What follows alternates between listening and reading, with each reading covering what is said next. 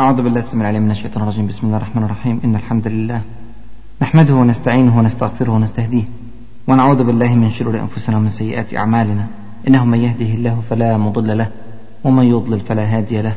وأشهد أن لا إله إلا الله وحده لا شريك له وأشهد أن محمدا عبده ورسوله. أما بعد مع المحاضرة الثامنة عشرة من محاضرات السيرة النبوية وهي في الحقيقة المحاضرة الأخيرة من هذه المجموعة. مجموعة الفتح والتمكين. هي صعب جدا جدا على النفس أن نتحدث عن محاضرة خاتمة للسيرة. هي نفوسنا تعلقت تعلقا كبيرا بالحديث عن رسولنا صلى الله عليه وسلم.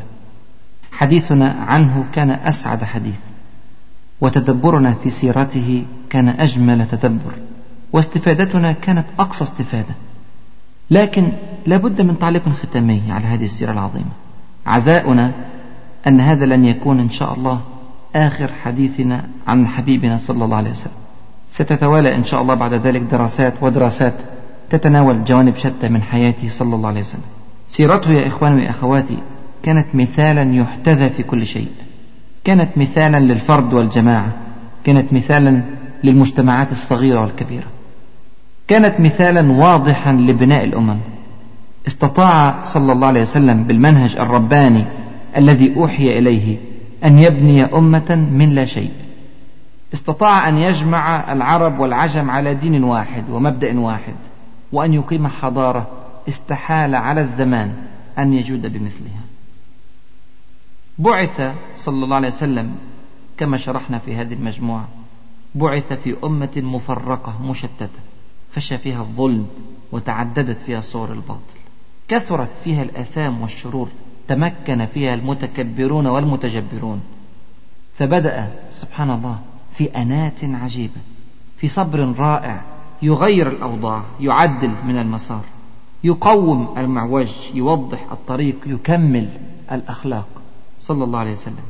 ما ترك معروفا إلا وأمر به ولا منكرا إلا ونهى عنه. لم يكن طريقه أبدا أبدا طريقا ناعما بل كان مليئا بالصعاب والأشواك. عارضه الكثيرون حاربه القريب والبعيد حتى حاربته عشيرته وقاومه أهله. فما لانت له قناة وما فترت له عزيمة. صلى الله عليه وسلم. مر صلى الله عليه وسلم كما شرحنا في هذه المحاضرات مر في بنائه لأمته بمراحل محددة. لابد أن تمر بها كل أمة لكي تبنى. وكان له سنة ثابتة في كل مرحلة. المرحلة الأولى التي مر بها صلى الله عليه وسلم أسميها مرحلة الإعداد. هذه مرحلة بدأت منذ نزول الوحي واستمرت فترة طويلة حوالي 15 سنة من حياته صلى الله عليه وسلم اللي هي فترة مكة بكاملها وسنتين من المدينة المنورة قبيل موقعة بدر. فترة الإعداد هذه بدأ فيها صلى الله عليه وسلم في انتقاء الأفراد الصالحين لحمل الأمانة الثقيلة ونجح صلى الله عليه وسلم في تربيتهم وإعدادهم لهذه المهمة الضخمة. مهمة حمل الدين الإسلامي. ليس فقط إلى أهل مكة أو إلى العرب بل حمل الدين الإسلامي إلى العالم أجمع. كان بناء صعبا شاقا يا إخواني وأخواتي كان بناء للإنسان من جديد. حرص فيه صلى الله عليه وسلم على توجيه نيات وقلوب الصحابة رضي الله عنهم وأرضاهم إلى ربهم سبحانه وتعالى. الواحد الأحد الذي بيده مقاليد السماوات والأرض. خلصت قلوبهم لله عز وجل. عظموا قدره أحبوا جنته خافوا من ناره. فتحركت كل ذرة في كيانهم له سبحانه وتعالى. أصبح منتهى آمالهم أن يعملوا له سبحانه وتعالى وأن يرضى عنهم وأن يقبل منهم وأن يغفر لهم ويرحمهم. فلما أصبحوا على هذه الصورة هانت عليهم كل المصاعب وهانت عليهم كل المشكلات. صغرت في أعينهم جبابرة الأرض. ومن ثم حملوا الرسالة العظيمة الإسلام. قاوموا بإصرار كل من حاول أن يثنيهم عن الوصول بهذه الرسالة إلى أفاق الأرض وإلى كل العالمين. خلوا بالكم قوي من هذا الجيل جيل الصحابة رضي الله عنهم وأرضاهم. بدون جيل كهذا الجيل يستحيل بناء الأمة الإسلامية. هذه أول خطوة إعداد هذه الطائفة التي تحمل على أكتافها الأمة الإسلامية. لم يتركه أهل مكة يفعل هذا دون مقاومة أو صد. حاربوه بكل طريقة هو وأصحابه صلى الله عليه وسلم. عذبوهم قهروهم بطشوا بهم بل وقتلوا منهم. حتى اضطروهم إلى الهجرة إلى بلاد الحبشة البعيدة جدا عن مكة مرة ثم الثانية. ومع ذلك كان المؤمنون في ازدياد مستمر. كانوا في ازدياد في العدد وكذلك ازدياد في الإيمان. اضطر المشركون أن يحصروهم في شعب أبي طالب ثلاث سنين كاملة فما ضعفوا وما استكانوا. وخرجوا من الشعب أشد قوة وأعظم بأسا. مات نصيره من أعمامه أبو طالب وماتت زوجته الوفية خديجة رضي الله عنها. فاشتد عليه قومه أكثر من ذي قبل. حتى خرج يبحث عن النصرة كما تعلمون في الطائف فما وجدها. بل وجد الصد والإعراض والتكذيب والشقاق وسوء الأخلاق. عاد مرة ثانية إلى مكة صلى الله عليه وسلم يكلم كل صغير وكبير في الإسلام يخاطب كل وافد على مكة في حج أو في غيره ليشرح له رسالة ربه سبحانه وتعالى. فكذبته عامة القبائل ورفضوا دعوته بكل إصرار. حتى شاء الله عز وجل له أن يقابل ستة من الخزرج من أهل يثرب المدينة المنورة. فآمنوا به وصدقوه وعادوا إلى قومهم بالدين الجديد. يدعون إلى الإسلام في المدينة المنورة. فآمن معهم آخرون وجاءوا بعد عام إلى مكة ليبايعوا رسول الله صلى الله عليه وسلم بيعة العقبة الأولى. ثم عادوا إلى المدينة ومعهم مصعب بن عمير فما تركوا بيتا ولا شارعا ولا حديقة ولا مجتمعا إلا وعرفوه بالدين. فانتشر الإسلام في المدينة انتشارا مبهرا وجاء منهم بعد عام آخر 73 من الرجال وامرأتان. جاءوا ليبايعوا رسول الله صلى الله عليه وسلم بيعة العقبة الثانية. ليصبحوا بذلك أنصار الله ورسوله كما تعلمون. ما هي إلا شهور قليلة حتى ترك رسول الله صلى الله عليه وسلم مكة بكفرها وهاجر إلى المدينة المؤمنة التي صارت بعد ذلك كما تعلمون معقل الإسلام وصارت نواة الدولة الإسلامية الأولى. وهاجر الصحابة المكيون إلى المدينة مع رسولهم صلى الله عليه وسلم. وعرفوا بعد ذلك بالمهاجرين. واجتمع المهاجرون والأنصار بقيادة الرسول صلى الله عليه وسلم على بناء الدولة الإسلامية كما ينبغي حقيقة أن تبنى الدول. بنى صلى الله عليه وسلم دولته بشمول عجيب. بناها بتوازن لافت للنظر. استكمل كل جوانب دولته السياسية والعسكرية والاقتصادية والاجتماعية والعلمية وقبل ذلك العقائدية. صارت دولته مضربا للمثل لأي دولة في العالم في الرقي والحضارة والسمو والأخلاق. هذا مع صغر حجم دولته وقلة إمكاناتها المادية. لم يتركه أعداؤه من المشركين من أهل قريش أو من الذين لم يؤمنوا من أهل المدينة بل تعاونوا مع الأعراب ومع اليهود على حربه والكيد له صلى الله عليه وسلم. لكنه قاومهم بحكمة شديدة وحنكة لافتة للنظر. تارة بالمعاهدات وتارة بالإعراض وتارة بالسرايا وظل في كل ذلك محافظا على نهجه التربوي للمهاجرين والأنصار حتى أذن الله عز وجل للصدام الأول بين الكفر والإيمان بين أهل الحق وأهل الباطل. أذن الله عز وجل أن يحدث هذا الصدام فدخل المسلمون في مرحلة جديدة وكانت غزوة بدر الكبرى أو يوم الفرقان. وحدث في هذه الغزوة ما لا يتخيله عامة البشر. انتصرت الفئة القليلة المؤمنة على الكثرة المشركة وتحقق وعد الله عز وجل. وارتفع شأن المسلمين في الجزيرة العربية. وسمع بهم كل العرب. وخضع مشركو المدينة. ودخلوا في الإسلام. إما اقتناعا به وإما نفاقا له. فظهرت بذلك طائفة المنافقين الخطيرة. الذين يبطنون الكفر ويظهرون الإسلام.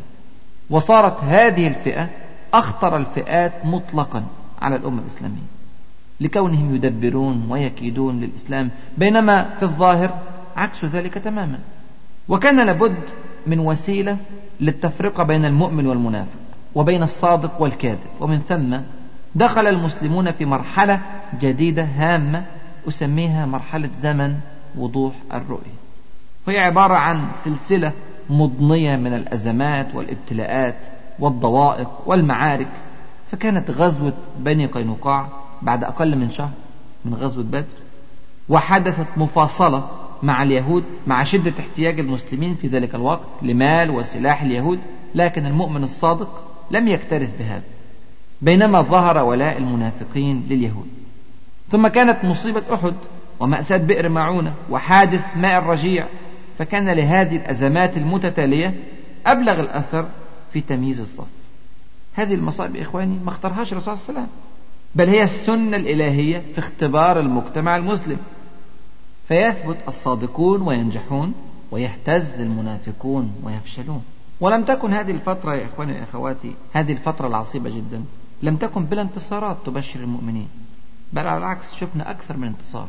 كان الانتصار المهيب على بني قينقاع وعلى بني النضير وغير ذلك من بعض الانتصارات التي رأيناها في بعض السرايا والغزوات. حتى شاء الله عز وجل أن يحدث التمحيص الكبير والابتلاء العظيم والتفرقة الواضحة بين المؤمنين الصادقين والمنافقين الكاذبين. فكان اجتماع المشركين من قريش وغطفان وغيرهما على حرب المسلمين بمساعدة يهود خيبر. وذلك فيما عرف في السيرة بغزوة الأحزاب أو غزوة الخندق. هذه كانت واحدة من أشد الأزمات التي مرت بالأمة الإسلامية إن لم تكن أشدها على الإطلاق. وبفضل الله ثبت المسلمون وصبروا وتحملوا الجوع والخوف والبرد وكتب الله لهم في النهاية النصر بعد أن كشفت لهم تماما أوراق المنافقين. على نجم المؤمنين جدا بعد هذه الموقعة. حتى قال صلى الله عليه وسلم بعد رحيل الأحزاب كلمته المشهورة التي تعبر عن دخول مرحلة جديدة. قال الآن نغزوهم ولا يغزونا نحن نسير إليهم. ثم كتب الله عز وجل النصر للمسلمين في غزو بني قريظة على القبيلة اليهودية الثالثة بالمدينة بعد بني قينقاع وبني النضير وبذلك أمنت المدينة من شر يهود الداخل. ولم يبقى من اليهود إلا التجمع الكبير خارج المدينة وهو تجمع خيبر.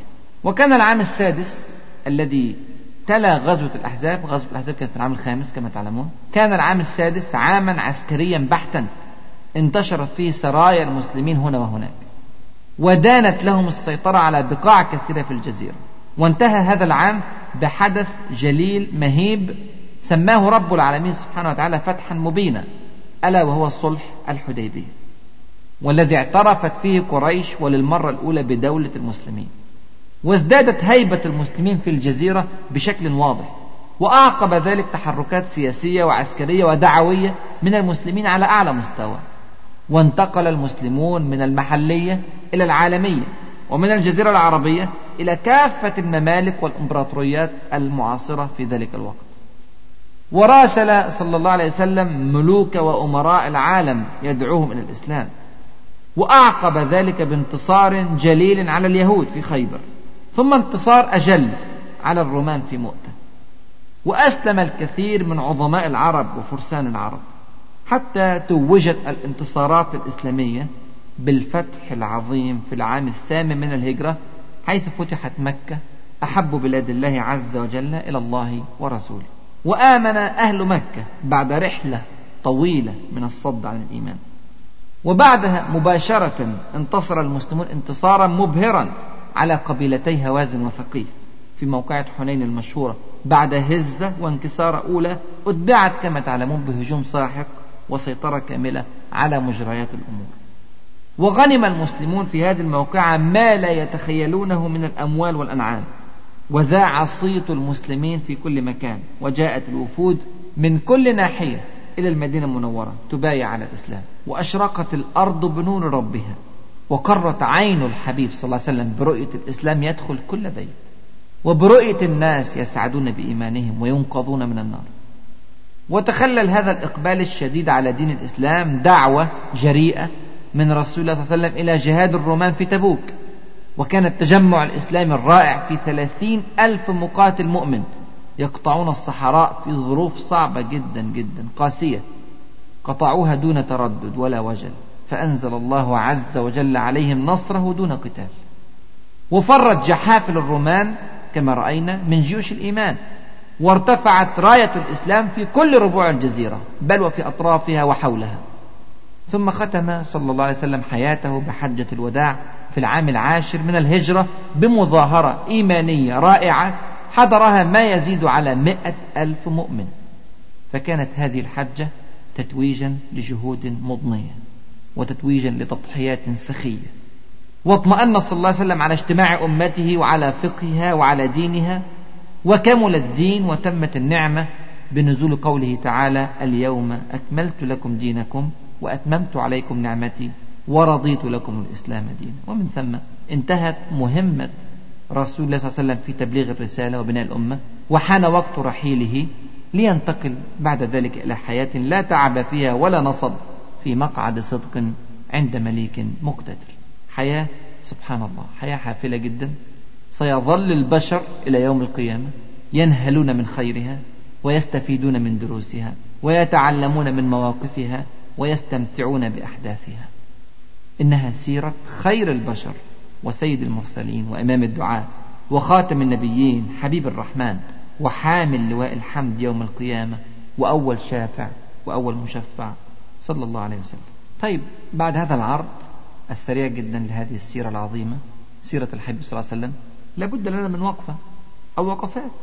نقف مع هذه السيرة العاطرة لنستخرج منها بعض السمات العظيمة. لا كل السمات مستحيل طبعا أن نحصي هذه السمات في محاضرة. لكننا سنقف على بعض السمات التي تظهر في عموم البعث النبوي لا في موقف عابر وليست في حدث معين. سمات عامة تصاحب كل مواقف السيرة من أولها إلى آخره ونسأل الله عز وجل أن ينفعنا بها جميعا. أول سمة بنلاحظها في السيرة النبوية هي الشخصية المبهرة لرسول الله صلى الله عليه وسلم. هذه فعلا شخصية مبهرة يا إخواني ويا أخواتي. هذه الشخصية ظلت محافظة على هذا الإبهار منذ الميلاد وإلى الممات. وده طبعا أمر في منتهى العجب. لا يفسر إلا بكون هذا الرجل صلى الله عليه وسلم رسولا من رب العالمين سبحانه وتعالى معصوما من الآثام والشرور لا أثر للشيطان عليه من قريب ولا بعيد لا سبيل إلى غوايته بصورة من الصور. صلى الله عليه وسلم. هذه يا إخواني أعظم شخصية في تاريخ الخلق. ليس فقط في السابقين ولكن أيضا إلى يوم القيامة. وليس فقط بالمقارنة إلى عموم البشر بل وبالمقارنة بالأنبياء والمرسلين. رسول الله صلى الله عليه وسلم. مع أنه لم يكن رسولا فقط ولكن كان حاكما وقائدا وزعيما كذلك إلا أنه عاش مع أصحابه وأتباعه كواحد منهم. ما تفضل عليهم بطعام ولا بشراب ولا بسكن ولا بمال. تحمل معهم الأذى في كل موضع. جاع معهم كما يجوعون بل أكثر. وتعب معهم كما يتعبون بل أشد. حوصر معهم وهاجر معهم وقاتل معهم بل كان أقربهم للعدو. ما فر يوما في حياته لا في أحد ولا في حنين ولا في غيرهما. لم تزده كثرة الأذى إلا صبرا ولم يزده إسراف الجاهلين إلا حلما. ما غضب لذاته قط صلى الله عليه وسلم وما انتقم لنفسه أبدا إلا أن تنتهك حرمة الله عز وجل. فينتقم حينئذ لله. كان كريما واسع الكرم. جاءت له الدنيا راغمة فأنفقها كلها في سبيل الله. كان يعطي عطاء من لا يخشى الفقر. ومات ودرعه مرهونة عند يهودي بثلاثين صاعا من شعير. مع كونه في ذلك الوقت كان يرأس دولة تشمل الجزيرة العربية بكاملها. لم يورث درهما ولا دينارا ولا عرف عنه قط. أنه اختص نفسه بشيء دون أصحابه وأتباعه. كان كثيرا مخالطة لشعبه. لم ينعزل عنهم أبدا. كان يجالس الفقراء ويرحم المساكين. وتسير به الأمة في شوارع المدينة أينما شاءت. وكان يعود المرضى ويشهد الجنائز ويخطب الجمع ويعطي الدروس ويزور أصحابه في بيوتهم ويزورونه في بيته صلى الله عليه وسلم. وهو في كل ذلك دائم الابتسامة منبسط الأسارير متهلل الوجه. صلى الله عليه وسلم. وكان رحيما بأمته تمام الرحمة. ما خير بين أمرين إلا اختار أيسرهما ما لم يكن إثما. فإن كان إثما كان أبعد الناس عنه. كان كثير العفو حتى عمن ظلمه وبالغ في ظلمه. وكان واصلا للرحم حتى لمن قطع رحمه وبالغ في القطع. لم تكن عظمته فقط صلى الله عليه وسلم. في معاملاته مع الناس أو في أخلاقه الكريمة ولكنه كان سياسيا بارعا وقائدا حكيما وخطيبا مفوها لا تفوت عليه صغيره ولا كبيرة تفيض الحكمة من فمه. أوتي جوامع الكلم يتكلم بالكلمات القليلة فيمكث العلماء والحكماء الأعوام والقرون يستخرجون المعاني الهائلة منها. يحاور كأفضل ما تكون المحاورة. ويفاوض فما يتنازل أو يزل أو يظلم أو يغضب يستعين بأصحابه ويشاورهم مع رجاحة عقله عنهم وارتفاع منزلته فوقهم. ما يسفه رأيا ولا ينتقص أحدا الحكمة ضالته. أينما وجدها أخذها ما دامت في حدود الشرع. كانت حياته كلها يا إخواني وأخواتي على هذه الصورة البهية النقية. حتى انبهر به أعداؤه قبل أصحابه وحتى عظمه وبجله وقدره من سمع عنه ولم يره. بل الذين لم يعاصروه أصلا بل ومن غير المسلمين. تخيل. يقول بسمارك زعيم ألمانيا المشهور في القرن التاسع عشر يقول إني أدعي أن محمدا صلى الله عليه وسلم قدوة ممتازة وليس في الإمكان والكلام اللي بسمارك خلي بالك. وليس في الإمكان إيجاد قدوة كمحمد ثانية. صلى الله عليه وسلم. برنارد شو الأديب البريطاني المشهور كان يقول لو كان محمد بن عبد الله صلى الله عليه وسلم بيننا الآن لحل مشاكل العالم كلها وهو يشرب كوبا من القهوة. يعني في منتهى البساطة. يقول لامارتان الشاعر الفرنسي المتميز يقول من ذا الذي يجرؤ من الناحية البشرية على تشبيه رجل من رجال التاريخ بمحمد صلى الله عليه وسلم. تخيل شوف الكلمات. ومن هو الرجل الذي ظهر أعظم منه عند النظر إلى جميع المقاييس التي تقاس بها عظمة الإنسان؟ ويقول تولستوي الأديب الروسي المشهور أنا واحد من المبهورين بالنبي محمد صلى الله عليه وسلم الذي اختاره الله الواحد لتكون آخر الرسالات على يديه وليكون هو أيضا آخر الأنبياء. ويقول جوتيه أو جوتا الشاعر الألماني الشهير يقول بحثت في التاريخ عن مثل أعلى لهذا الإنسان فوجدته في النبي العربي محمد صلى الله عليه وسلم. هو ده يا إخواني وأخواتي رسولنا صلى الله عليه وسلم. تعرفنا في هذه المحاضرات على طرف ضئيل جدا من شخصيته العظيمة ولن نستطيع بأي حال من الأحوال أن نحيط بعظمته. الإحاطة بعظمته تدخل فعلا في باب المستحيل. هي دي السمة الأولى البارزة من خلال دراسة السيرة النبوية. السمة الثانية في السيرة النبوية هي روعة وعظمة ورقي الجيل الذي عاصر رسول الله صلى الله عليه وسلم من المؤمنين. وهم الصحابة رضي الله عنهم وأرضاهم. الصحابة يا إخواني وأخواتي هم خير البشر بعد الأنبياء. الكلام ده مش كلامي كلام الرسول صلى الله عليه وسلم. يقول صلى الله عليه وسلم خير الناس قرني. ثم الذين يلونهم ثم الذين يلونهم. إلى آخر الحديث. الله عز وجل اختار الصحابة لصحبة نبيه صلى الله عليه وسلم تماما كما اختار نبيه صلى الله عليه وسلم. والرسول صلى الله عليه وسلم كان أميا لا يكتب ولا يقرأ فكان لابد من وجود جيل صالح ورع حكيم دقيق لينقل بأمانة وبدقة ما قاله أو فعله أو أقره. رسول الله صلى الله عليه وسلم. ظهر لنا منذ أول كلمات في هذه السيرة وحتى خاتمة هذه السيرة أن هذا الجيل كان جيلا أمينا مضحيا مجاهدا متجردا لله عز وجل حريصا على كل خير آمرا بالمعروف ناهيا عن المنكر باذلا الوسع كل الوسع لنصرة الله ورسوله ودين الإسلام. رأينا في هذه المحاضرات مواقف مشرفة لا تحصى في كل المواطن في مكة والمدينة في بدر وأحد والأحزاب والحديبية ومكة وتبوك وغيرها وغيرها. وليس فقط في الغزوات أو المعارك ولكن في كل مواقف السيرة. مش معنى كده أنهم جيل بلا أخطاء أو أنهم معصومون من الزلل ولكن كما يقولون أخطاؤهم تذوب في بحار حسناتهم. كما أنهم بفضل الله كانوا سريع التوبة من ذنوبهم سريع الأوبة إلى الله عز وجل. وفوق ذلك لم يتهم واحد منهم بالكذب أو الخيانة أو التضليل.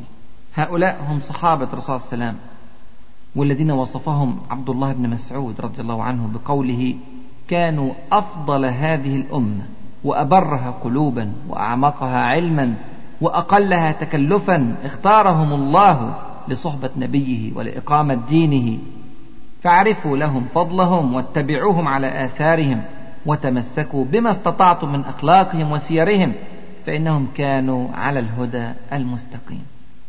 وصدق عبد الله بن مسعود رضي الله عنه وعن الصحابة أجمعين. دي كانت السمة الثانية اللي واضحة قوي من خلال دراسة السيرة النبوية. السمة الثالثة في غاية الأهمية السنة مصدر أساسي للتشريع. ثبت بما لا يدع مجالا للشك أن السنة النبوية مصدر رئيسي أساسي لا غنى عنه أبدا من مصادر التشريع في الإسلام. السنة التي أقصدها هنا هي منهجه صلى الله عليه وسلم في الحياة. هي كل قول أو فعل صدر منه. وهي كذلك كل تقرير أقره صلى الله عليه وسلم. ليس القرآن وحده هو المصدر التشريعي الوحيد كما يدعي بعض المنكرين للسنة. بل رأينا بوضوح في السيرة النبوية من خلال هذه الدراسة أن حياته صلى الله عليه وسلم كانت تشريعا كاملا للأمة. كانت تفسيرا جليا لآيات القرآن الكريم كانت تفصيلا لما أجمل في القرآن كانت بسطا لما اختصر في القرآن بل كانت أحيانا مشرعة لأحكام لم تأتي أصلا في القرآن الكريم زي ما شفنا في غزوة خيبر عندما حرم صلى الله عليه وسلم الحمر الإنسية. شفنا بوضوح في السيرة النبوية أن قصة الرسول صلى الله عليه وسلم لم تكن مجرد قصة لعابد يصلي ويصوم ويقوم ويقرأ القرآن لكن حياته كانت تشريعا كاملا متكاملا. قام فيها صلى الله عليه وسلم بتوضيح موقف الشرع من كل قضية من قضايا الحياة. الكلام ده بيخلينا نقول وبصدق إن الاستغناء عن السنة يعني الاستغناء عن الدين. الطعن في حجية السنة هو طعن في الإسلام ذاته. دراسة السيرة أكبر دليل على الموضوع ده. يبقى دي كانت السمة الثالثة في غاية الأهمية السنة مصدر من مصادر التشريع لا غنى عنه. السمة الرابعة شمول الإسلام. تكلمنا عن أهمية السنة في التشريع الإسلامي. الكلام ده بيسحبنا للحديث عن شمول الإسلام. الإسلام ليس كما يعتقد الكثيرون صيام وصلاة فقط. ليس موطن تطبيق الإسلام المسجد فقط. ولكن الإسلام دين يحكم كل دقائق الحياة. كما يتضح من اسمه الإسلام. الإسلام هو إسلام كامل. لله رب العالمين. ويظهر معنى الإسلام الذي نقصده في قوله تعالى قل إن صلاتي ونسكي ومحياي ومماتي لله رب العالمين. لا شريك له وبذلك أمرت وأنا أول المسلمين. العبادة والحياة والممات كلها لله عز وجل. مش معنى كده إن في التشريع جمود يمنعه من مواكبة تغيرات الزمان؟ ابدا. لكن التشريع يا إخواني واخواتي به مرونة كبيرة جدا. تجعله صالحا لكل ظرف قابلا للتطبيق في الجزيرة العربية وفي غيرها من بقاع العالم المختلفة قابلا للتطبيق في زمان الرسول صلى الله عليه وسلم وفي الأزمان التي لحقت وفي زماننا وإلى يوم القيامة. والكلام ده شفناه بوضوح في السيرة النبوية. الرسول صلى الله عليه وسلم واجه ظروفا متباينة تماما في مراحل حياته المختلفة. ومع ذلك كان هناك قانون لكل فترة حسب الظروف المتغيرات وكان هذا القانون من الشمول بحيث أنه غطى كل جوانب الحياة الإيمانية والتعبدية والسياسية والاقتصادية والاجتماعية والقضائية والعسكرية وغير ذلك من الجوانب. استوعب القانون الإسلامي معاملات الرسول صلى الله عليه وسلم وأصحابه في فترة مكة فترة الاضطهاد والتعذيب والتنكيل. كذلك استوعب معاملات الرسول صلى الله عليه وسلم وأصحابه في المدينة المنورة في كل مراحلها سواء في فترة الإعداد أو في فترة الصدام مع العدو أو في فترة التمكين والعلو في الجزيرة أو في فترة العالمية. في كل هذه الفترات استوعب القانون الإسلامي كل المتغيرات والظروف. الكلام ده بيخلينا نجزم بوضوح بشمول المنهج الإسلامي. وأنه منهج بلا ثغرات مطلقا. كيف يكون يا إخواني وأخواتي به ثغرات؟ وهو منهج رب العالمين سبحانه وتعالى. كيف يصل المخلوق إلى ما هو أبدع وأروع مما صنعه الخالق؟ هذا مستحيل.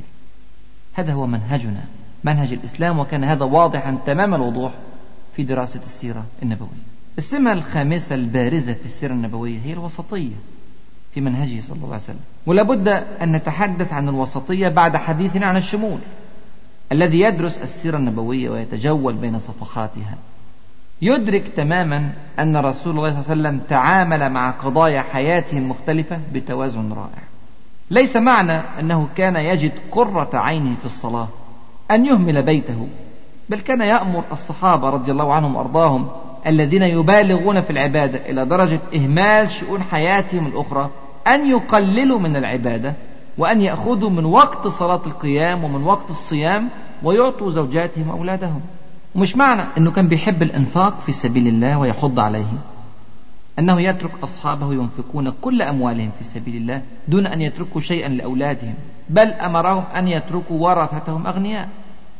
ولم يقبل منهم صلى الله عليه وسلم إنفاق المال كله في سبيل الله إلا في ظروف معينة. ومن أفراد بعينهم كالصديق رضي الله عنه في قصة الهجرة وتبوك. ومش معنى أنه كان بيحب الموت في سبيل الله صلى الله عليه وسلم حتى قال لوددت أن أقتل في سبيل الله ثم أحيا ثم أقتل ثم أحيا ثم أقتل ثم أحيا ثم أقتل. مش معنى كده؟ أن يلقي بنفسه في المهالك دون اكتراث أبدا. بل رأيناه صلى الله عليه وسلم يلبس درعين من حديد ويضع الخطة المناسبة ويبث العيون ويأخذ جانب الحيطة والحذر ويؤمن ظهره ويحمي جيوشه وشعبه. هكذا رأينا في دروس السيرة النبوية صلى الله عليه وسلم. حياة متوازنة راقية لا إفراط ولا تفريط لا تشدد وتطرف وكذلك لا تسيب وتنازل. حياة متوازنة. عبر عنها ربنا سبحانه وتعالى بقوله وهو يصف هذه الأمة العظيمة وكذلك جعلناكم أمة وسطا. يبقى دي كانت السمة الخامسة الهامة جدا في حياته صلى الله عليه وسلم. السمة السادسة وشفناها واضحة قوي قوي في السيرة النبوية هي البعد الأخلاقي العظيم في كل التشريعات والمواقف الإسلامية. الرسول صلى الله عليه وسلم قال في حديث شريف رواه البيهقي عن أبي هريرة رضي الله عنه وأرضاه وهو يصف بعثته صلى الله عليه وسلم يقصر بعثته صلى الله عليه وسلم على إتمام مكارم الأخلاق. يقول إنما بعثت لأتمم مكارم الأخلاق. سبحان الله. عند النظر يا إخواني وأخواتي إلى كل شعائر الإسلام تجد أنها في المقام الأول تسمو بالأخلاق. الصلاة تنهى عن الفحشاء والمنكر. الصوم ينهى عن قول الزور وعن الشقاق والعراك والتشاحن. الصدقة تطهر النفس وتوطد العلاقات الطيبة في المجتمع. وهكذا في كل الشعائر وفي كل التشريعات. في أحداث السيرة النبوية رأينا أن الرسول صلى الله عليه وسلم كان حريصا على هذا الجانب الأخلاقي في كل مواقفه وفي كل معاملاته. صلى الله عليه وسلم. يكفي فقط أن نذكر مجالين يتعجب الكثير في زماننا الآن من ارتباط الأخلاق بهما. أما المجال الأول فهو المجال السياسي. ألف الناس في زماننا الآن وقبل ذلك. ألفوا تصوير السياسة على أنها خبث وكيد وخيانة وغدر ونفاق وعنف. لكن الرسول صلى الله عليه وسلم أثبت لنا سبحان الله عكس ذلك تماما. رأيناه في مكة وفي المدينة. يحاور ويناور ويفاوض. ولكنه ما كذب ولا غدر ولا خان. صلى الله عليه وسلم. بل إنه لم تخرج منه كلمة سوء واحدة يندم عليه. صلى الله عليه وسلم. لم يكن فاحشا ولا متفحشا حتى ما أعتى الأعداء. بل كان واسع الصدر. صلى الله عليه وسلم. كان مبتسما هادئا حييا. كان خلوقا صلى الله عليه وسلم في سياسته الداخلية مع شعبه وحكومته وأعوانه وأنصاره بل ومع معارضيه. بل مع المنافقين معلوم النفاق بالوحي كان يحسن صحبتهم ويعف عن سبابهم أو قطيعتهم. صلى الله عليه وسلم. وكان خلوقا كذلك في السياسة الخارجية مع رسل وأمراء وملوك العالم حتى من حاربه منهم فإنه لم يخرج أبدا أبدا عن حدود اللياقة والأدب وحسن الخلق. صلى الله عليه وسلم. وراجعوا لو حبيتوا محاوراته صلى الله عليه وسلم مع كفار مكة. أمثال عتبة بن ربيعة والوليد بن المغيرة وأبي جهل ووفود قريش المتتالية. برضو شوفوا مباحثاته صلى الله عليه وسلم مع بني عامر وبني شيبان وغيرهما. رجعوا بيعتي العقبة الأولى والثانية. رجعوا المعاهدات والمحاورات مع اليهود ومع مشركي المدينة. رجعوا الصلح الحديبية. رجعوا استقباله صلى الله عليه وسلم للوفود المختلفة على مدار السنوات المتعاقبة. رجعوا الرسائل إلى ملوك العالم. رجعوا الخطب السياسية والمكتبات إلى العمال وإلى الأمراء. لا نبالغ يا إخواني ويا أخواتي إذا قلنا إن علينا أن نراجع حياته بكاملها لأنه ما خلت لحظة من لحظات حياتي ولا مرحلة من المراحل التي مر بها في سياسته من أخلاق رفيعة وخلال حميدة في كل المواقف. دي كانت أخلاقه في الجانب السياسي من حياته صلى الله عليه وسلم. والكلام ده طبعا بيستغربه سياسي العصر الحديث ومحللو العالم ومفكروه لكن ده واقع شفناه في السيرة النبوية. المجال الآخر اللي صعب جدا جدا إن زعيم من زعماء العالم إلا ما رحم الله عز وجل أن يفلح في تجميله بالأخلاق هو الجانب العسكري في حياته صلى الله عليه وسلم. جانب الحروب. الواقع إن الضوابط الأخلاقية التي وضعها صلى الله عليه وسلم في حروبه من المستحيل يا اخواني من المستحيل فعلا الإلمام بها في هذه العجالة. تحتاج إلى بحث مفصل ودراسة متأنية. يكفي أن نذكر أنه كان دائما يجعل الحروب آخر الحلول. لم يكن أبدا أبدا كما يشاع عنه في بعض الكتابات أو الرسوم لم يكن أبدا متعطشا للدماء. لم يكن متعطشا للدماء كما نرى الكثير الآن من قادة وعسكري العالم. لكن كان كثير العفو صلى الله عليه وسلم. كان يعفو كثيرا عن عدوه في حالة تسليم العدو ورضوخه. ورجعوا فتح مكة. رجعوا موقعة حنين. وغيرهم وغيرهم. وكان يحرم صلى الله عليه وسلم الخيانة في الحرب أو نقد العهد أو الهجوم دون إنذار. وكان يحرم قتل النساء والأطفال وكبار السن ورجال الدين غير المحاربين. وكان يكرم الأسرى ويوصي بهم. وكان يحرم قطع النخيل والأشجار إلا لضرورة عسكرية. وكان لا يهدم الديار ولا يخرب الأراضي صلى الله عليه وسلم. كان لا يعيث في الأرض فسادا لم يكن متصفا أبدا بما اعتدنا أن نراه في الحروب غير الإسلامية سواء في القديم أو الحديث. دعوة الإسلام يا إخواني وأخواتي دعوة أخلاق في المقام الأول. الذي يدرس أحداث السيرة سيجد أن هذه السمة بارزة لا تخفى على أي محلل. لن يجهلها أي منصف. وصدق الله عز وجل عندما وصف حبيبنا صلى الله عليه وسلم بقوله وإنك لعلى خلق عظيم. يبقى دي كانت السمة السادسة من السمات البارزة في السيرة النبوية. السمة السابعة أن الحرب بين الحق والباطل وبين الإيمان والكفر حرب أبدية يستحيل أن تخلو منها فترة من فترات الحياة. الحق من وظيفته أن يقاوم الباطل وكذلك الباطل لن يرضى أبدا أن يبقى الحق في الأرض دون مقاومة. الرسول صلى الله عليه وسلم كان يدرك ذلك جيدا وكان مجاهدا للكفار وغيرهم بطرق مختلفة حسب المرحلة. أحيانا كان يجاهد باللسان والقرآن وأحيانا كان يجاهد بالسلاح والسنان. تختلف الوسيلة ولكنه في كل الأحوال يجاهد. صلى الله عليه وسلم. أحيانا يختلف العدو حسب المرحلة لكن دائما هناك عدو. تارة يكون الأعداء من قريش وتارة من مشرك المدينة وتارة من المنافقين وتارة من الأعراب وتارة من اليهود وتارة من النصارى وتارة من المجوس. يتنوع أعداء الأمة حسب المكان والزمان لكن يغلب على صفة كل الحروب أنها حرب عقائدية. تدور في محورها الرئيسي حول قضية الدين. يدخل فيها أحيانا عوامل أخرى زي الاقتصاد مثلا أو بعض الأمور الاجتماعية أو حب السلطة. لكن يظل العامل الرئيسي في المعركة هو الدين. في هذا المعنى قال ربنا سبحانه وتعالى ولا يزالون يقاتلونكم حتى يردوكم عن دينكم إن استطاعوا. الكلام ده شفناه في كل مراحل السيرة. طالما أن المسلمين مستمسكون بدينهم ستظل الحرب دائرة بينهم وبين أعدائهم. الرسول صلى الله عليه وسلم كان عارف أن هذا الصراع ليس صراعا شخصيا معه صلى الله عليه وسلم. إنما هو صراع عقائدي سيستمر مع أصحابه وأتباعه إلى يوم القيامة. عشان كده كان من آخر وصاياه صلى الله عليه وسلم إنفاذ بعث أسامة بن زيد رضي الله عنهما إلى حرب الرومان. ظل محافظا على مسيرة الجهاد إلى آخر لحظة. وأوصى بإخراج المشركين من جزيرة العرب وجعل الجهاد صلى الله عليه وسلم ذروة سنام الإسلام. ولن يأتي يا إخواني وأخواتي زمان أبدا على الأرض يختفي فيه الشر وينتهي الباطل أو يرضى فيه أهل الباطل عن أهل الحق فتكون حالة من الحوار فقط دون قتال والسلام فقط دون حرب. مستحيل يا إخواني مستحيل. الله عز وجل وعد الشيطان بالبقاء إلى يوم يبعثون. وسيظل للشيطان محاولات ومحاولات لإضلال الخلق. ولن يقبل المؤمنون الصادقون بهذا الإفساد في الأرض. وستبقى أيضا محاولات الإصلاح مستمرة إلى يوم القيامة. ومن ثم فالجهاد ماض إلى يوم القيامة. الكلام ده شفناه في السيرة وشفناه بعد كده بعد أحداث السيرة وبنشوفه في زماننا دلوقتي وهيفضل لحد يوم القيامة.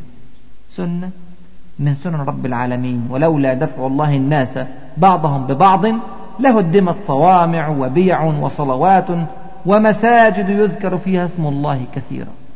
ولا ينصرن الله من ينصره. إن الله لقوي عزيز.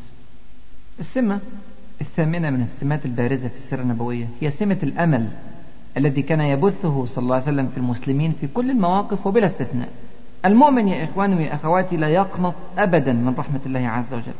لا يقنط أبدا من فضله وكرمه سبحانه وتعالى. قال تعالى قال ومن يقنط من رحمة ربه إلا الضالون. عشان كده المؤمن مع رؤيته للظروف القاسية التي تمر بها الأمة الإسلامية لا يتأثر مطلقا بذلك. يعلم دائما أن ميزان القوة دائما في صالحه ما دام الله عز وجل معه. من هذا المنطلق نقدر نفهم الروح المتفائلة التي كان يتصف بها المجتمع المسلم في كل مراحل السيرة النبوية حتى في أشد هذه المراحل ظلاما. رأينا ذلك في كل سنوات مكة الصعبة. بل رأينا الرسول صلى الله عليه وسلم يبشر سراقة بن مالك بسواري كسرى وهو مطارد في هجرة مكة إلى المدينة. ورأيناه يبشر بنصر المسلمين في بدر مع كون المشركين ثلاثة أضعاف المسلمين. ورأيناه يطمئن المسلمين بعد مصيبة أحد أن الدولة الأخيرة ستكون للمؤمنين. ورأيناه يبشر المؤمنين ليس فقط بفك الحصار عن المدينة أيام الأحزاب ولكن أيضا بفتح فارس والشام واليمن والكلام ده كتير جدا جدا في السيرة النبوية. منهج حياة يا إخواني منهج حياة كامل. رأيناه بارزا في السيرة النبوية في كل المراحل. لم يكن هذا التبشير فقط في المواطن الصعبة أو في مواقف الأزمات. بل كان سياسة عامة. انتهجها صلى الله عليه وسلم في كل أحاديثه وخطبه وحواراته وتعليقاته. صلى الله عليه وسلم. يقول صلى الله عليه وسلم في مروان الإمام مسلم عن ثوبان رضي الله عنه وأرضاه إن الله زوى لي الأرض فرأيت مشارقها ومغاربها وإن أمتي سيبلغ ملكها ما زوي لي منها. أمثلة هذه الأحاديث كثيرة جدا مما يجعل هذه البشرى وهذا الأمل منهجا واضحا من مناهج رسول الله صلى الله عليه وسلم في بناء أمته.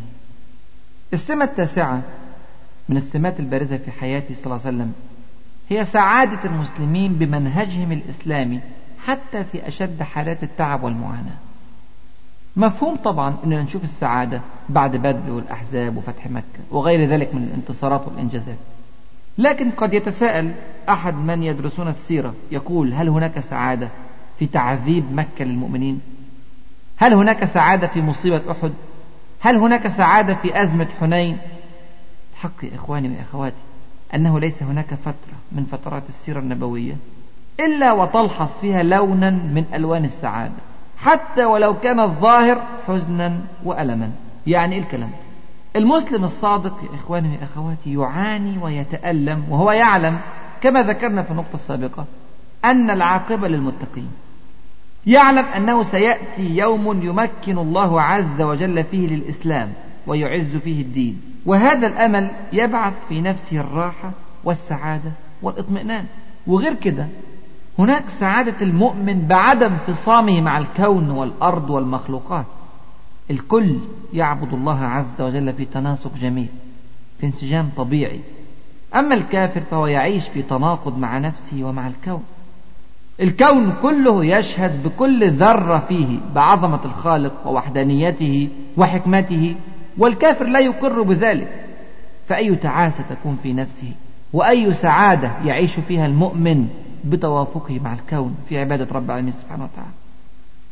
والمسلم فوق ذلك ينتظر جنة في الآخرة. فيها ما لا عين رأت ولا أذن سمعت ولا خطر على قلب بشر.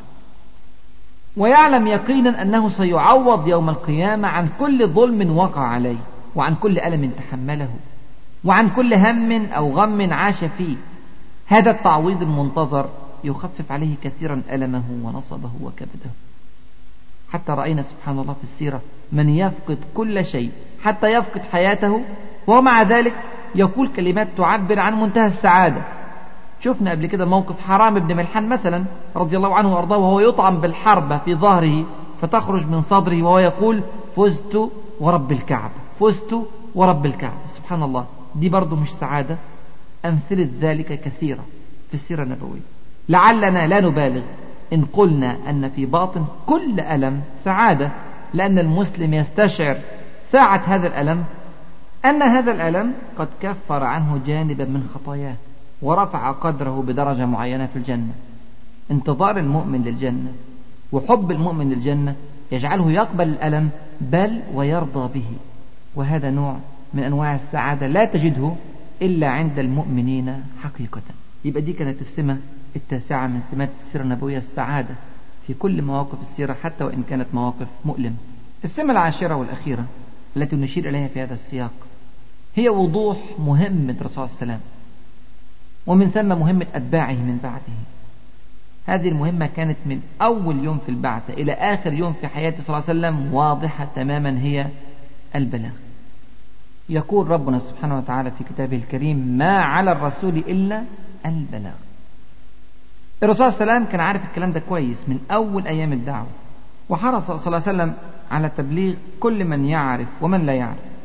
اختلفت وسائل البلاغ في كل مرحلة.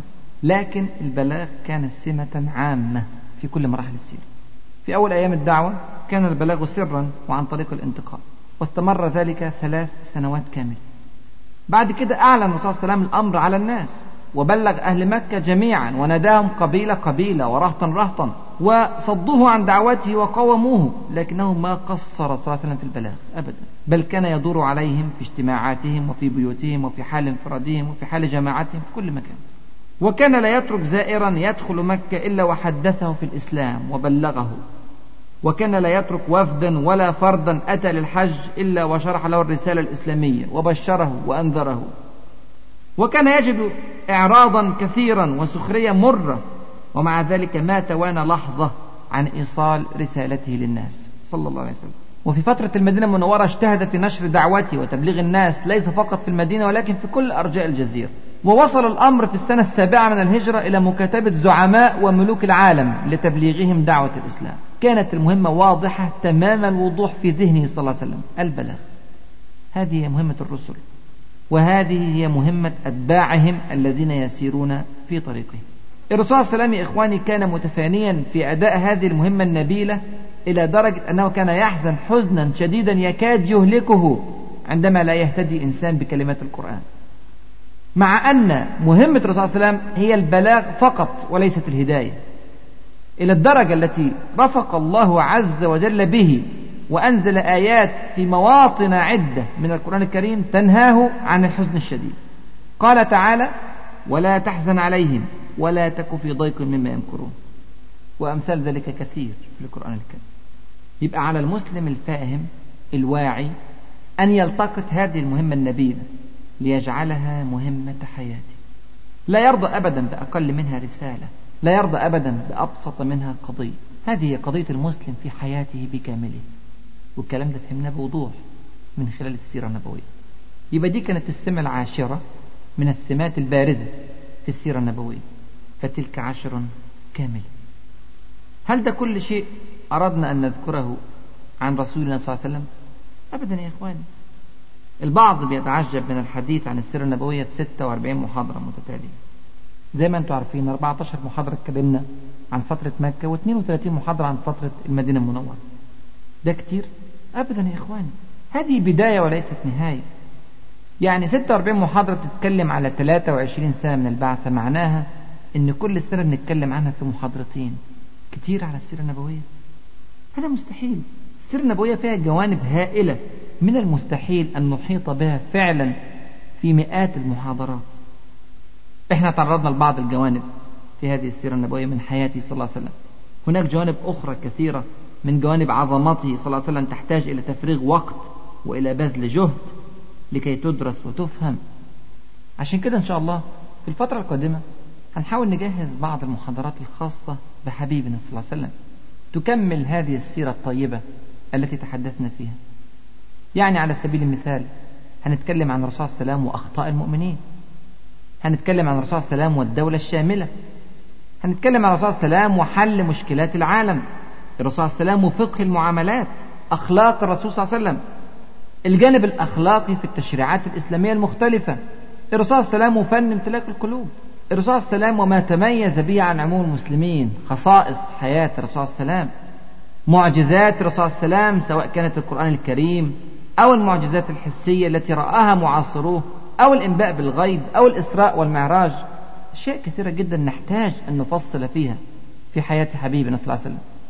وفي جوانب تانية كتير جوانب تانية كتير متخصصة في حياته صلى الله عليه وسلم. زي مثلا فن الإدارة فن القيادة فن التغيير فن الخطابة فن تربية الأطفال وغير ذلك من فنون مبدعة تحتاج إلى تأصيل ودراسة وتعمق. دي بعض البحوث اللي هنعملها إن شاء الله في الفترات القادمة وهي مجرد فصول من سفر ضخم كبير يستحيل إتمامه أبدا. سيظل الدعاء والعلماء ينهلون من هذا النبع الصافي إلى يوم القيامة. لكن وقفة مهمة جدا يا إخواني وإخواتي. بعد دراسة هذه السيرة الرائعة لابد أن يظهر علينا في سلوكنا وحياتنا بل وفي اعتقادنا أثر لهذه الدراسة. لابد أن هناك أمانة علقت في رقابنا. لابد أن هناك واجبا حمل علينا. في إيجاز شديد يجب على كل مؤمن ومؤمنة بعد قراءة هذه السيرة أن يقوم بالأمور التالية. واجبات في غاية الأهمية. أولا أن يحب رسول الله صلى الله عليه وسلم. هذه قضية مصيرية فعلا وهي علامة من علامات اكتمال الإيمان. الرسول صلى الله عليه وسلم يقول في الحديث الشريف والحديث في البخاري عن أنس رضي الله عنه لا يؤمن أحدكم حتى أكون أحب إليه من والده وولده والناس أجمعين. اللي يرى السيرة يا إخواني ولا يحب رسول الله صلى الله عليه وسلم هذا إنسان مجنون لا عقل له. أو منافق لا إيمان في قلبه أو عاصي غمرت المعاصي قلبه أو متكبر ينكر الحق وهو يستيقنه. كل مواقف السيرة بلا استثناء تدفع دفعا إلى حب الرسول صلى الله عليه وسلم. بل وإلى تقديم حبه على أي حب آخر. وهذا من أهم أهداف دراسة السيرة النبوية. يبقى ده الواجب الأول والهدف الأول من دراسة السيرة النبوية. الواجب الثاني أن تعرفه صلى الله عليه وسلم بأن تدرس سيرته بصورة أكبر. إحنا كلمنا في 46 محاضرة عن لقطات سريعة من حياته صلى الله عليه وسلم.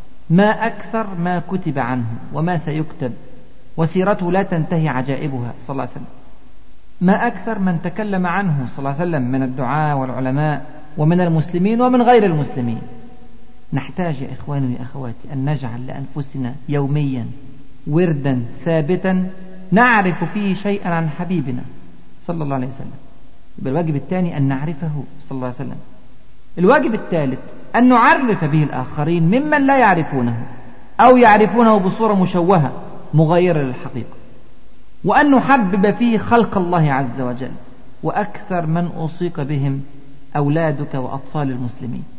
هؤلاء يا إخواني وأخواتي إن تربوا على حب رسول الله صلى الله عليه وسلم وصلوا إلى كل نجاح في الدنيا والآخرة ووصلت بهم الأمة إلى أعلى الدرجات الواجب الرابع أن تتبعه وتقلده صلى الله عليه وسلم في كل صغيرة وكبيرة في حياتك.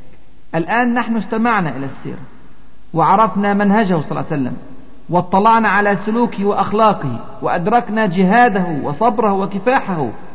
نريد أن نسقط كل موقف من مواقفه صلى الله عليه وسلم على واقع حياتنا. نريد أن نطبق كل سنة من سننه ما استطعنا إلى ذلك سبيل اعلم يا أخي ويا أخت أن علامة الحب الرئيسية هي الاتباع. وأن حبا بلا اتباع يعني غرورا وبطرا وجهلا وحماقة يبقى ده الواجب الرابع الهام. الواجب الخامس أن تصدقه في كل ما قاله. صلى الله عليه وسلم. شفنا في أثناء السيرة النبوية صدق كل ما تحدث به أو أخبر عنه صلى الله عليه وسلم. فاقبل ما قاله صلى الله عليه وسلم. دون تردد يا إخواني يا أخواتي دون تردد. صدق أحاديثه دون ريب ولا شك. اعلم أنك قد تفتن بعقلك فترد حديثا صحيحا لرسول الله صلى الله عليه وسلم. هذا يا إخواني ويا أخواتي طريق الهاوية هذا منحدر الهلاك. لا تلقين أبدا بنفسك فيه. الأمر السادس أن تدافع عنه. الحملات الشرسة كما ترون كثيرة تحاول النيل منه صلى الله عليه وسلم. هذه حملات لا تنتهي. هذه الشبهات المثارة من يتولى الرد عليها؟ شفنا في السيرة النبوية الصحابة رضي الله عنهم وأرضاهم رجالا ونساء وشيوخا وأطفالا يدافعون بالغالي والثمين عن رسول الله صلى الله عليه وسلم. رأينا الرجل يتمنى أن يقتل ولا يشاك رسول الله صلى الله عليه وسلم شوكة في قدمه. رأينا الأطفال يقاتلون الفرسان والنساء يحملن السيوف. ورأينا الأموال تنفق ورأينا الجهود تبذل حتى يتم الدفاع عن رسول الله صلى الله عليه وسلم. هو ده المنهج اللي عايزين نمشي فيه في حياتنا كلها. أن ندافع عن رسول الله صلى الله عليه وسلم بكل ذرة في حياتنا بكل أموالنا بكل جهدنا بكل فكرنا بكل طاقتنا بكل حياتنا يا إخواني ويا أخواتي الأمر السابع أن نشتاق إليه صلى الله عليه وسلم. واللي مشتاق فعلا لإنسان يتمنى أن يزوره يتمنى أن يقابله. وهذا في الدنيا يكون في عمرة أو حج إن كنا مستطيعين لذلك. أن نذهب له ونزوره في مسجده صلى الله عليه وسلم ونسلم عليه في قبره وسيرد علينا السلام حتما كما قال صلى الله عليه وسلم في أحاديثه الشريفة. لكن الأهم من ذلك والأعظم من ذلك أن نشتاق إلى لقائه عند حوضه صلى الله عليه وسلم يوم القيامة. ولا يكون ذلك يا إخواني ويا أخواتي لا يكون ذلك إلا بإيمان عميق. لا يكون ذلك إلا بعمل صالح. لا يكون ذلك إلا باتباع دقيق بسنته صلى الله عليه وسلم. وإلا قال لنا سحقا سحقا يوم القيامة. ونسأل الله عز وجل أن يسقينا من يده الشريفة شربة هنيئة مريئة لا نظمأ بعدها أبدا أبدا. يا رب العالمين. الأمر الثامن في غاية الأهمية أن تحب آل بيته صلى الله عليه وسلم. هذا أمر هام جدا يا إخواني وعظيم. وللأسف الكثير من المسلمين لا يظهر ذلك خوفا من التشبه بمغالاة الشيعة في أمر أهل البيت. لكن الصواب أن يقف المسلم موقف الاعتدال الذي أراده لنا رسول الله صلى الله عليه وسلم. فهو قد أوصى بآل بيته وبحبهم وفي ذات الوقت فهو قد ربط هذه المحبة بطاعتهم لله عز وجل وعدم مخالفتهم له. هذا هو الميزان الأمثل في التعامل معهم. شوف الرسول صلى الله عليه وسلم يقول في حديث زيد بن أرقم رضي الله عنه في صحيح مسلم وأهل بيتي أذكركم الله في أهل بيتي أذكركم الله في أهل بيتي أذكركم الله في أهل بيتي. قال ثلاثا صلى الله عليه وسلم. كل هذا لا يتعارض مع وجوب اتباع الرجل أو المرأة من آل البيت للمنهج الإسلامي القويم حتى تقدم محبته حتى ترفع درجته بدليل قول رسول الله صلى الله عليه وسلم في صحيح البخاري ومسلم عن عائشة رضي الله عنها ويم الله لو أن فاطمة بنت محمد صلى الله عليه وسلم سرقت لقطعت يدها. حشاها طبعا أن ترتكب منكرا ولكن ذكر ذلك صلى الله عليه وسلم ليضع ميزان التعامل مع آل البيت جميعا. الموضوع طبعا يحتاج إلى تفصيل أكبر وليس المجال يتسع لذلك الآن. لكن المهم أن نحرص جميعا على حب آل بيت رسول الله صلى الله عليه وسلم ما داموا متبعين لمنهجه صلى الله عليه وسلم. الأمر التاسع حب صحابته صلى الله عليه وسلم.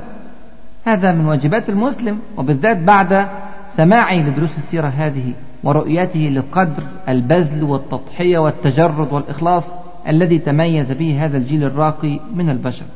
أوصانا صلى الله عليه وسلم أن نحبهم وأن نتقي الله عز وجل فيهم. جاء ذلك في رواية الترمذي عن عبد الله بن مغفل رضي الله عنه عندما قال صلى الله عليه وسلم الله الله في أصحابي. لا تتخذوهم غرضا بعدي. فمن أحبهم وخلي بالك بقى فمن أحبهم فبحبي أحبهم. ومن أبغضهم فببغضي أبغضهم. ومن آذاهم فقد آذاني. ومن آذاني فقد آذى الله. ومن آذى الله يوشك أن يأخذه. وهذا الحديث قال فيه الترمذي هذا حديث حسن وكذلك رواه الإمام أحمد رحمه الله. هذا تصريح مباشر يا إخواني من رسول الله صلى الله عليه وسلم أن حب صحابته رضي الله عنهم من حبه صلى الله عليه وسلم. فنسأل الله عز وجل أن يجمعنا وإياهم في الفردوس الأعلى مع حبيبنا صلى الله عليه وسلم. الأمر العاشر والأخير في هذه العجالة هو أن ندعو له صلى الله عليه وسلم. الكلام ده ممكن الناس تستغربه.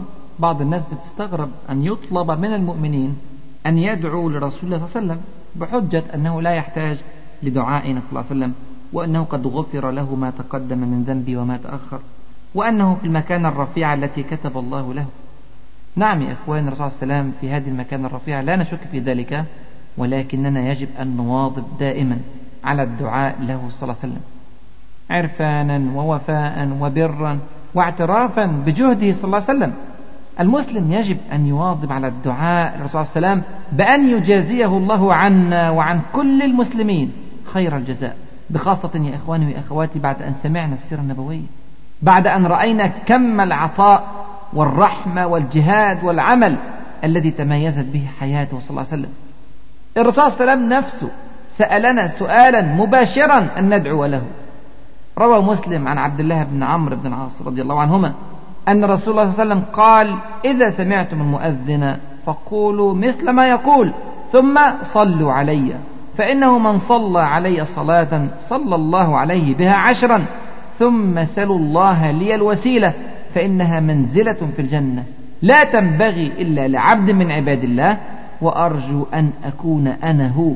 فمن سأل لي الوسيلة حلت له الشفاعة. يبقى الرسول صلى الله عليه وسلم سألنا أن نسأل الله له الوسيلة ونحن نسأل الله عز وجل له ذلك. وهذا يعود علينا نحن شخصيا بالنفع. لأن الرسول صلى الله عليه وسلم قال من صلى علي صلاة صلى الله عليه بها عشرا فنحن نستفيد أيضا من دعائنا لحبيبنا صلى الله عليه وسلم. يبقى ده كان الواجب العاشر بعد أن استمعنا للسيرة واستمتعنا بها. فتلك عشرة كاملة. لا شك إخواني وأخواتي أن الأمر يحتاج إلى تفصيل وإن شاء الله يكون في بحث مفصل نعمله بعد كده نتكلم فيه عن الوسائل المعينة على حبه صلى الله عليه وسلم وعلامات هذا الحب وثمار هذا الحب.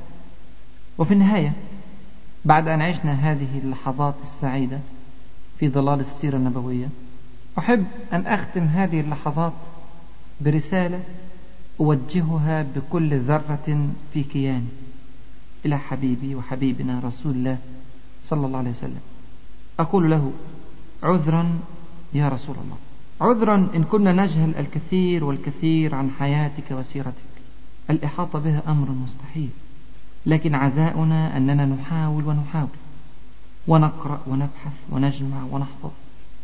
ولا يكلف الله نفسا إلا وسعها. عذرا يا رسول الله إن كنا قد قصرنا في الكثير من سننك.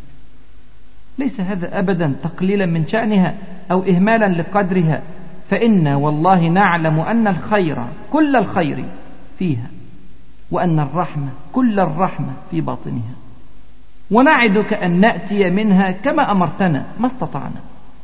ونعدك أن ندرب أنفسنا وأزواجنا وأولادنا وإخواننا وكل أهلنا ومن وصلنا إليه من أتباعك وأحبابك ندرب كل هؤلاء على تطبيقها واتباعها والتحلي بها عذرا يا رسول الله إن كانت تمر علينا أيام فلا نذكر طرفا من سيرتك ولا موقفا من مواقفك ولا حديثا من أحاديثك فإنا ولا حول ولا قوة إلا بالله. قد شغلتنا أموالنا وأهلنا عن تذكر كلماتك العاطرة وتوجيهاتك الحكيمة. ليس هذا والله نفاقا ولا جحودا ولكن تقصير نرجو له تداركا إن شاء الله وخطأ نرجو له إصلاحا إن شاء الله. فنحن والله نذوب حبا فيك بل نحب الثرى الذي مشيت عليه والديار التي سكنت فيها والبلاد التي عشت فيها ولا نصبر على فراقك والبعد عنك. وأملنا أن نلقاك على الحوض إن شاء الله. عذرا يا رسول الله إن جهل عليك بعض الجاهلين من أبناء أمتك فتطاولوا عليك باعتراض أو تهجموا عليك بشبهة فهذا الجهل منهم لا يقلل إلا من شأنهم هم ولا يحط إلا من قدرهم هم. وحلمك كما نعلم أوسع من جهلهم وعلمك أشمل من علمهم وما جرأهم عليك إلا سوء تربيتهم وفساد مناهجهم وجريهم وراء كل غربي وفتنتهم بشركائهم من الجن والإنس وسوف يعلمون في يوم قريب من السعيد ومن الشقي ومن الذي يرحب به ويسقى من حوضك ومن الذي يقال له سحقا سحقا عذرا يا رسول الله إن كانت أمتك الآن ليست على الصورة التي تحب وليست في المكان التي تريد. هذه تراكمات سنين وأخطاء أجيال لكن عزاؤنا أننا عدنا بفضل الله إلى جادة الطريق. فقامت الصحوة الإيمانية وازدهرت الدعوة الإسلامية وحرص الكثير من أبناء أمتك الآن على تدارك ما فاتهم واللحاق بركب الصالحين. ولا نشك أبدا أن هذا طريق العزة لهذه الأمة. فنحن إن شاء الله فيه سائرون صابرون مجاهدون. وبشارتك معنا أنه لا تزال طائفة من أمتك ظاهرين على الحق لا يضرهم من خذلهم حتى يأتي أمر الله وهم كذلك. نسأل الله أن نكون منهم. وختاما نسأل الله عز وجل أن يشفعك فينا وأن ييسر لنا أن نشرب من يدك يوم القيامة شربة هنيئة لا نظمأ بعدها أبدا. وأن يجعلنا ممن يدخلون الجنة معك ويرفعون إلى صحبتك فقد بشرتنا أن المرء يحشر مع من أحب ونحن والله نحبك ونحب أصحابك وإن لم نعمل بأعمالكم. نسأل الله أن يغفر لنا تقصيرنا وأن يستر عيوبنا وأن يكفر عنا سيئاتنا وأن يرفع لنا درجاتنا وأن يجعلنا مع الذين أنعم عليهم من النبيين والصديقين والشهداء والصالحين. اللهم صل على محمد وعلى آل محمد كما صليت على إبراهيم وعلى آل إبراهيم إنك حميد مجيد. اللهم بارك على محمد وعلى آل محمد كما باركت على إبراهيم وعلى آل إبراهيم إنك حميد مجيد. اللهم صل على محمد وأزواجه وذريته كما صليت على آل إبراهيم. وبارك على محمد وأزواجه وذريته كما باركت على آل إبراهيم إنك حميد مجيد. اللهم صل على محمد عبدك ورسولك كما صليت على آل إبراهيم وبارك على محمد وعلى آل محمد كما باركت على إبراهيم. اللهم صل على محمد وأزواجه أمهات المؤمنين وذريته وأهل بيته كما صليت على آل إبراهيم إنك حميد مجيد. اللهم اجعل صلاتك ورحمتك وبركاتك على سيد المرسلين وإمام المتقين وخاتم النبيين محمد عبدك ورسولك إمام الخير وقائد الخير ورسول الرحمة. اللهم ابعثه مقاما محمودا يغبطه به الأولون والآخرون. اللهم آت محمدا الوسيلة والفضيلة. وابعثه مقاما محمودا الذي وعدته. اللهم جازه عنا وعن المسلمين وعن العالمين خير الجزاء. وصل اللهم عليه في الأولين وصل اللهم عليه في الآخرين وصل اللهم عليه في الملأ الأعلى إلى يوم الدين. آمين آمين. وآخر دعوانا أن الحمد لله رب العالمين. وجزاكم الله خيرا كثيرا. السلام عليكم ورحمة الله وبركاته. مع تحيات النور للإنتاج الإعلامي والتوزيع.